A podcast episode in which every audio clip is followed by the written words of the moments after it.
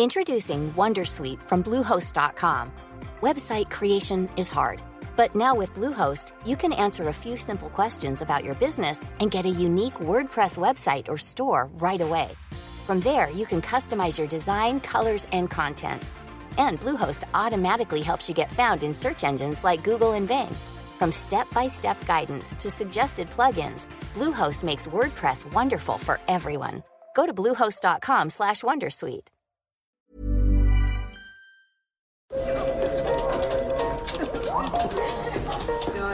Dette er lyden av norsk næringsliv. Akkurat nå tas det små og store valg som kan bli avgjørende for fremtiden. Med økonomisystemet X-Leger tas disse beslutningene basert på informasjon i sanntid, slik at drømmer og ambisjoner kan bli virkelighet. Få kontroll og oversikt, gå inn på xledger.no. Denne sendingen er sponset av Xleger.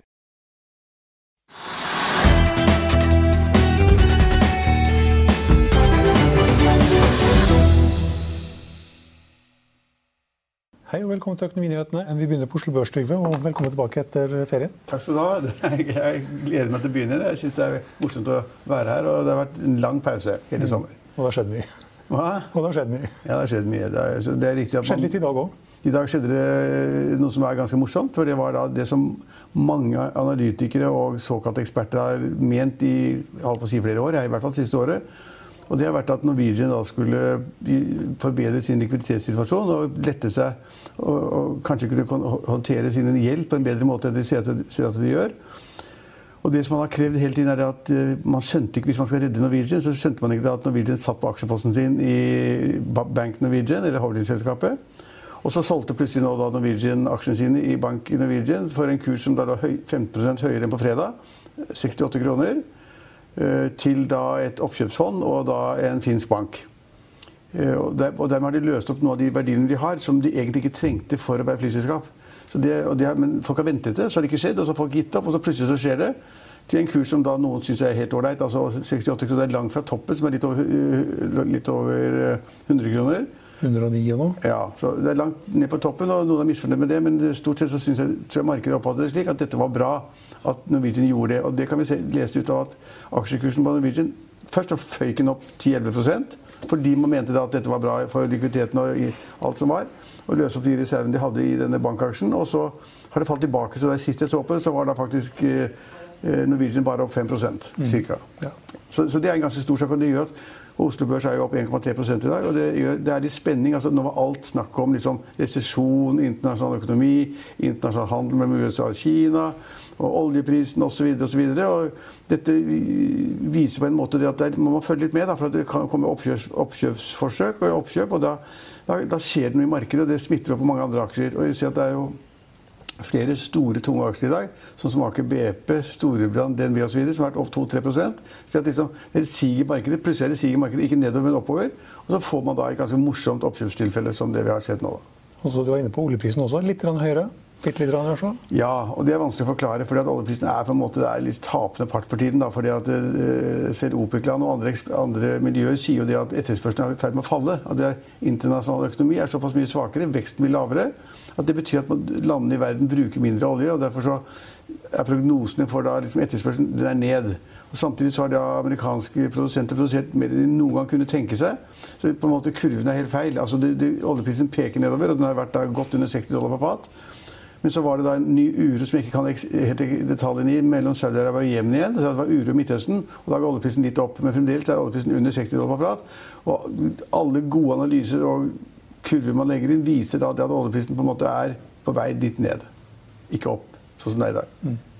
59 i dag. Ja, litt i over 59. Men, men, men, et stykke opp til 75, da, som vi hadde i vinter. Men trenden er ned. Mm. Det er det som er poenget. og det er og det, da, det, er jo ganske viktig. Jeg har jo fulgt aksjebørsen også i, morgen, i, i, sommer, selv om jeg ikke har vært her. Og det er det at eh, Den svakere oljeprisen har jo medført av det at uh, oljeserviceselskaper, inkludert riggaksjer, har fått skikkelig juling de siste månedene. Fordi man regner da med det at hvis det er såpass mye olje i markedet, det er færre som vil kjøpe olje, så vil oljeselskapene bruke mindre penger på å lete, foredle, bore, gjøre hva, hva de pleier å gjøre. slik at Eh, det har vært veldig dårlig for f.eks. Eh, Borr eller Sidril eller hva det måtte være. Så har det vært dårlig for alle riggselskapene.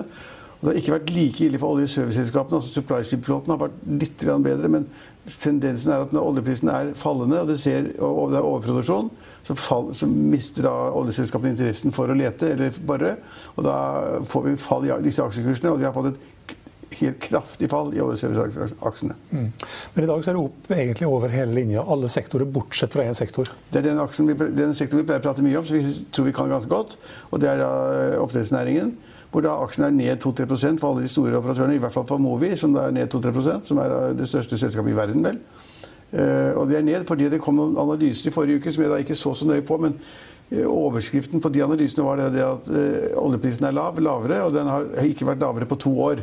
Og Jeg har ikke giddet sjekke om det er riktig, det tipper det er riktig. slik at Oljeprisen er da lav. Lakseprisen? Lakseprisen, ja, Unnskyld. Jeg oljeprisen. Lakseprisen, lakseprisen er lav, har ikke vært lavere på to år.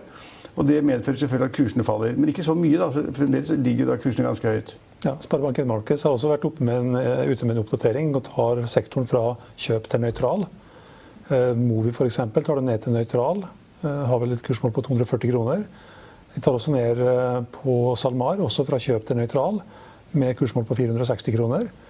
Ja, og så har du da flere av disse her gode oppdrettsselskapene. Grieg Seafood, Lerøy Seafood Group, det tar dem opp til kjøp, faktisk. Ja, men det som er litt skummelt og det, altså, det var kanskje ingen som hadde ventet at uh, lakseprisen skulle falle såpass mye. da. Men så har altså, man begynt å snakke liksom om det kanskje under dekning av kostnader. Det syns jeg er litt merkelig ut uh, på de prisene vi har. Og at uh, kostnadene skulle ha steget så mye. Det, men, men, men, når man først begynner å snakke om det, så begynner folk å regne på det og lure på liksom, er det virkelig slik at de kan, oppdretterne nå kan tape på å produsere laks. Det syns folk er rart. Er ikke et stykke opp dit, da? Hva? Er ikke et, må være et stykke ja, jeg, mener mellom... jeg, jeg mener at det er god margin, men begynne å snakke om det, det betyr at folk vil regne litt mer på det og være litt mer forsiktige. slik at Jeg kan ikke se det at uh, lakseprisene skal gå Lakseprisene de, de, er på vei ned, sier man. Mm. og hvis lakseprisen er på vei ned, så vil de altså svekke da uh, aksjekursen i oppdrettsnæringen vil jeg tro. Men det stykker ned til 30 kroner? eller ja, men Jeg tror nok de er kanskje oppe på 40 kroner eller noe. nå. Det ja, vet jeg ikke nå. Ja. Kanskje på 40 kroner Hvis de selger den for noen og 50 da, fremdeles, hva, hva er prisen nå? Cirka? På laks, lakseprisen? Ja. Nei, den vet du, kan du bedre enn meg. Ja, ja, ja, Den er liksom nede mot 50-tallet. da. Mm. Og, og, og, hvis det er riktig at det er den svakeste prisen på to år, så er det ikke noe godt tegn, det heller. Så at den, den sektoren som faller mest i dag, det syns jeg er ganske naturlig. Mm. Men vi har sett at Storebrand falt jo, og Aker BP falt, og DNB falt, og det, det, det Ja. Nei, DNB var opp, det. DNB er opp, opp 2, 2 det. Ja, opp 2 ja. ja. Nei, det er ikke så veldig mange, som, det er ikke så veldig mange aksjer som faller. Det er, liksom, det er et par sjømataksjer. Og så er det Orkla, men de har jo de har sletta 17,5 millioner aksjer. De har slettet aksjer, eller Enten mm. kjøpt aksjer selv eller slettet aksjer. i hvert fall. De 17,5 millioner i dag. Ja, ja, Da er det for mye penger, og så bruker de pengene til å gjøre de eksisterende aksjonærene rikere. faktisk. Mm. At de får mer verdier bak hver aksje som de eier. Nei, det er, det er en god dag. Opp, det er en god dag, og var børsen oppe Nå har jeg kommet tilbake etter en lang ferie, holdt jeg på å si, så da, i løpet av året så har indeksen opp kanskje 4-5% Ikke mer. Eh, nei, den er opp 5, 5 ja. Opp 5 ja, drøyt 5 sånn som det er akkurat nå. da. Og så er Siste litt grinete i dag. Han har jo, har han, eh, når det gjelder da eh, Norwegians salg av Bank Norwegian, så er han litt grinete og sier at det er lav, lav pris. men det er markedet som avgjør det. Og det er 15% opp i forhold til da, på fredag. Men hva er det han sitter lastet opp? Han sitter lastet opp i, i banken eller i flyselskapet? Det er jeg litt usikker på. Han er vel, han er vel litt inn og ut og litt short og litt long. Ja, ja. Jeg, altså jeg tror at Hvis man kommer ut nå 15 over dag, fredagens kurs, og en kurs på 68 kroner, så tror jeg det er ganske bra pris. Jeg. Og det er jo press på den type banker for tiden. altså for, Forbrukerbanker eller den type banker. Det er et lite press på dem. Det er for mange av bankene, det, og det er myndighetene passer på. og Det er ikke like lett å låne penger, det er ikke like, like lett å ta høye marginer. slik at Det kan jo tenkes at flyselskapene og bilen er ganske heldige med salget sitt av bankaksjene. Kanskje. Da venter vi bare på hvordan det går med det joint venture som de drev og snakka om for uh... ah, Hvor de skulle finne partner til å da, eie, eie med. Ja. Ja, ja, men nå så jeg det tallet at hvis man, hvis man tok inn da alle leasingforpliktelsene og forpliktelsene på flyene, så snakker man om at Norwegian har gjeld på 60 milliarder kroner. Mm. Ja, og det, skal du drive med 60 milliarder i gjeld, selv om du nå selger da, for et par milliarder kroner, i, selger, selger bankaksjer, så, så er det så stor gjeld at det er liksom å håndtere det i en så tøff konkurranseverden som det er i Europa, med alle de lavprisselskapene, kjempevanskelig. Og jeg har også sett en notis om at de klarer ikke å, å bruke de der de der uh, langdistanseflyene sine på en effektiv måte lenger. Dreamlinerne? Dreamlinerne klarer de heller ikke å utnytte helt. Og så har de problemer selvfølgelig da med, med, med Boeing Max 8-flyet. Men Argentina blir bra? Eh, jeg vet ikke. Jeg tror det koster masse å, å bygge opp Nå er det så, nå er det så billig å reise, eller i hvert fall nå er det billig å feriere i Argentina. da. Ja, fordi at valutaen faller. Ja. Ja, det kan At si. eh, Norwegian tror at de skal klare å få flere turister til Argentina. Ja, fra Norge til Argentina. det vet jeg ikke. Jeg vet ikke. Men altså, i, og med at norske, I og med at norske kroner har falt så mye, så er det, alt betyr jo at Norge er utlandet uansett. Ja, alle vil til Argentina nå. Alle vil til Hele, Argentina. hele Europa. Altså, jeg synes det, det jeg hørte om det første gang, så mente jeg at det var en ganske god idé å begynne å bygge opp en sånn lavprisstruktur i Argentina, hvor alle bare kjører sånn skranglete buss. Men jeg tror det tar lengre tid enn man tror, og det er vanskeligere. Og så kommer valutaforhold som, som spiller inn også. Innenriksflytrafikk i Argentina høres ikke så veldig Nei, da tror jeg vi bare fløyt mellom Oslo og Bergen. jeg. Mest. Ja. det. Ja, men, det var, men det er en god dag på Oslo Børs. Da. og Det, det ser også ut som de europe, andre europeiske børsene også er ganske pent opp i dag. Da. Ja. Det kom etter at det var også en ganske god dag i USA på fredag. God dag også i Asia i dag. Ja. Det har forresten skjedd et par morsomme ting i helga. Har du fulgt med på bompengekaoset? Ja, altså alle må jo følge med på det. Men, men, men, men det er litt snålt hele greia. For jeg, jeg kan ikke forstå at det som blir sagt er riktig engang. Altså, Siv Jensen i Fremskrittspartiet, som har et problem med bompengepartiene selvfølgelig, sier at de, at de har fått en skisse til, til eh, gjennomsyn. En skisse den må være laget av statsministeren, eller SMK som det heter, kontoret hennes. En skisse, og den syns de er kjempefin. Og så sier de at vi er ferdig med alle forhandlinger. Så sier noen vi har ikke forhandlet i det hele tatt. Venstre sier at vi har ikke forhandlet i det hele tatt med Frp. Og de sier at den skissen de har sett, den er ikke til, den er, er, altså Hvis ikke de får det mer som de vil, så blir det bare blaffen. Så står da da Frp sier at de gjør som Høyre vil, kanskje. Kristelig Folkeparti sier sånn midt imellom. Og så sier Venstre at vi skal ha vår pakke som er miljøpakke og mer kollektivtrafikk og bla, bla, bla. Og sånn. Og så sier da Fremskrittspartiet nei, vi skal kutte bompengegjelden. Vi skal få lov å kjøre bil i tre timer uten å betale flere passeringer. Jeg bare skjønner ikke hvordan det går an. jeg. Men også, det kom også en siste melding i dag som er ganske interessant. Det sto en overskrift som jeg ikke har sjekket. Kanskje du har fått med deg den? Det sto at Frp kraftig opp i en ny måling. Hva betyr det? Jeg, jeg så ikke når den var tatt. At den har gått opp, kom- gått opp fra 8 til 8,2, eller har gått opp fra 8 til 10 eller hva er det for noe? Ja, nei, jeg så faktisk bare overskriften, jeg òg. Men uh, det kan vi fort finne ut. Det er jo ganske interessant om de har fått et hopp, men det Ja, det er et hopp fra Å ja, nei, det var uh, Frp får en oppslutning på 19,3% i Møre og Romsdal. I Møre og Romsdal, ja. Ja. Og i Os. ja. ja, vi ser her på eh, Ja, det var faktisk en eh, Det var en Summersposten, Romsdals Burstikk og Tidenes Krav som har gjort en eh, undersøkelse. Men, men det er jo ganske utrolig at vi har en firepartiregjering som var vanskelig å sette sammen. Vanskelig å få med Venstre, vanskelig å få med Kristelig Folkeparti. Når man endelig fikk det på plass, så har da ikke Solberg mer disiplin enn at man offentlig kan diskutere hvordan man skal lage et kompromiss da, i bompengesaken som da alle partiene kan leve med. Og Poenget er jo det at de er, Fremskrittspartiet er nødt til å gjøre for ellers mister så mange stemmer til bompengepartiene at de evner da ved valget på 7-8 og det er krise. Og Da går vi fra krise nå til krise da i, i 2021, hvor vi skal ta stortingsvalget. Men at man ikke klarer å sette seg ned og bli enig, er bare helt komisk. Og Venstre mener, overspiller kraftig og sier at liksom, kollektivtrafikk, kollektivtrafikk, kollektivtrafikk Alle er for kollektivtrafikk, men det må være en balanse i alt mulig rart. Og nå er det jo slik da, det at når man sitter i regjering med, med Fremskrittspartiet, så må man akseptere at de da på en måte kjører litt på sine særstandpunkter for å, ta, for å på en måte ta litt luven unna fra bompengepartiene. Merkelige greier. Og så var det SV-politiker til og med som mente at han måtte få lov å betale mer skatt. Jeg har tenkt å skrive om faktisk. Han trygler og ber om å få betalt mer skatt. Det er ikke noe vanskelig å få til det. Det, jeg, det skal jeg skrive om i morgen. Da får vi, får vi mer om det i morgen. Det var hovedsakene på Oslo Børs pluss litt til. Vi tar med oss oljeprisen før vi ser på indeksene og valuta og olje. Den er opp 1,5 til 59 dollar og 50 cent. Riktig god morgen, velkommen til morgensending. og Det er mandag, og da er det ukesportefølje som står på agendaen. Det var en dårlig uke for oss eh, forrige uke, og da spesielt eh, pga. Hexagon. Porteføljen var ned eh, 6,6% mot indeks ned 1,5% Hexagon rapporterte skuffende tall forrige uke, og vi hadde egentlig forventet at de tallene skulle være bedre enn ventet. Når vi ser litt uh, mer på de andre faktorene som uh, spilte inn forrige uke, så i tillegg til uh, Hexagon, så var også DNO veldig svak. Jeg syns det var egentlig litt rart når oljeprisen var relativt flat gjennom forrige uke. Oil Service var ned ganske kraftig det også, så jeg tror i en stor grad så var det med at høybete aksjer generelt hadde en tøff uke. Men det fundamentale rundt DNO har ikke endret seg noe vesentlig, så vidt vi har fått med oss i løpet av uka uken. Oljeprisen eh, stengte opp på fredag og er opp igjen i dag tidlig, så vi velger å gi den tillit eh, en uke til. En annen faktor som også spilte inn, var at eh, vi ikke hadde noe sjømat eh, i porteføljen. Det var eh, delvis fordi at vi har hatt et negativt syn på sektoren en periode, men så i løpet av uken så oppgraderte analytikeren sektorsynet opp fra salg til nøytral. Så da ga det hele sektoren et løft, den oppgraderingen.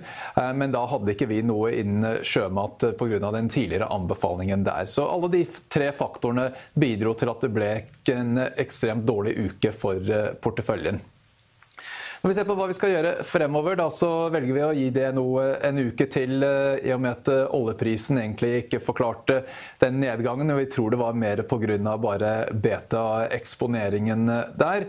Men Hexagon velger vi å ta ut av porteføljen kan godt hende at dette her blir eh, feil timing akkurat eh, å ta det ut eh, nå på mandagen, men jeg tror når vi ser på denne her i litt lengre perspektiv, så er det vanskelig å, se for seg at det, det, blir en voldsom rekyl opp fra disse nivåene.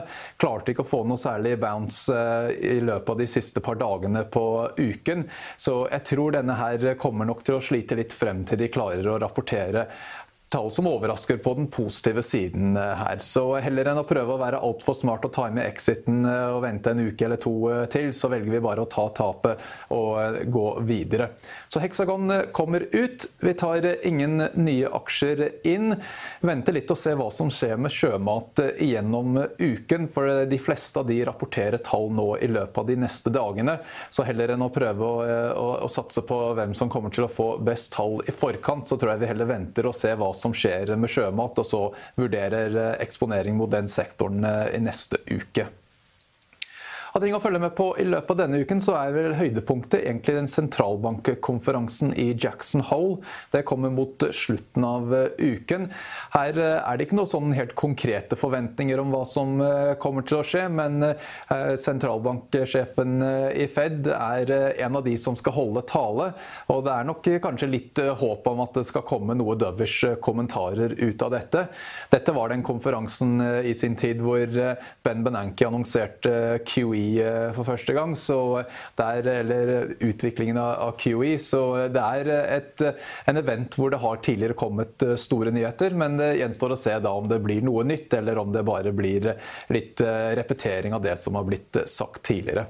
Så det blir nok høydepunktet for uken makromessig, men vi får også PMI-tallet i løpet av uken. Europeiske tallene der er vel det som får mest oppmerksomhet. Det kommer også PMI-tall for USA, men der er nok ISM-tallene som kommer uken etter det som kanskje er mest viktig for markedet. Men da er det en del makrofaktorer å, å følge litt med på gjennom uken. Få se litt eh, hvordan eh, om markedet klarer å stabilisere seg litt nå etter eh, noen litt ruglete dager. Men det blir nok spesielt en sentralbankmøte slutten av uken som blir det som kanskje styrer retningen for markedet nå de neste par ukene. Men også da kommer det mye viktige makrotall neste uke også. Da tror jeg vi runder av der, så endringer i porteføljen er Hexagon ut og ingen nye aksjer inn. I Finansavisen i morgen kan du lese Trygve Egners leder om at SV-politiker Hans Olav Lahlum ønsker å betale 100 000 kroner ekstra i skatt. At salget av tradisjonelle luksusbiler har eh, blitt nesten halvert sammenlignet med i fjor. Og at DNB-strateg Paul Harper tror pengepolitiske grep vil forhindre en langvarig nedtur i aksjemarkedet. Husk også at du kan høre våre eh, Eh, gjestekommentarer og børskommentarer på Hegnarpodden. Den finner du på Hegnarpodden på hegnar.no. Du finner den også på Soundcloud, iTunes og Spotify. Det var det vi hadde for i dag, men vi er tilbake igjen i morgen klokken 15.30. Følg med oss igjen da.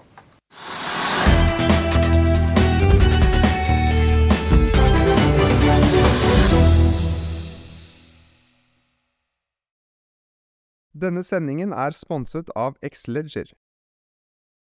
Økonominyhetene er en podkast og videoproduksjon fra Finansavisen. Programleder er Marius Lorentzen. Aksjekommentator er Karl Johan Molnes. Produsent er Bashar Johar. Podkast- og videoansvarlig er Marius Mørk Larsen. Og ansvarlig redaktør er Trygve Hegnar.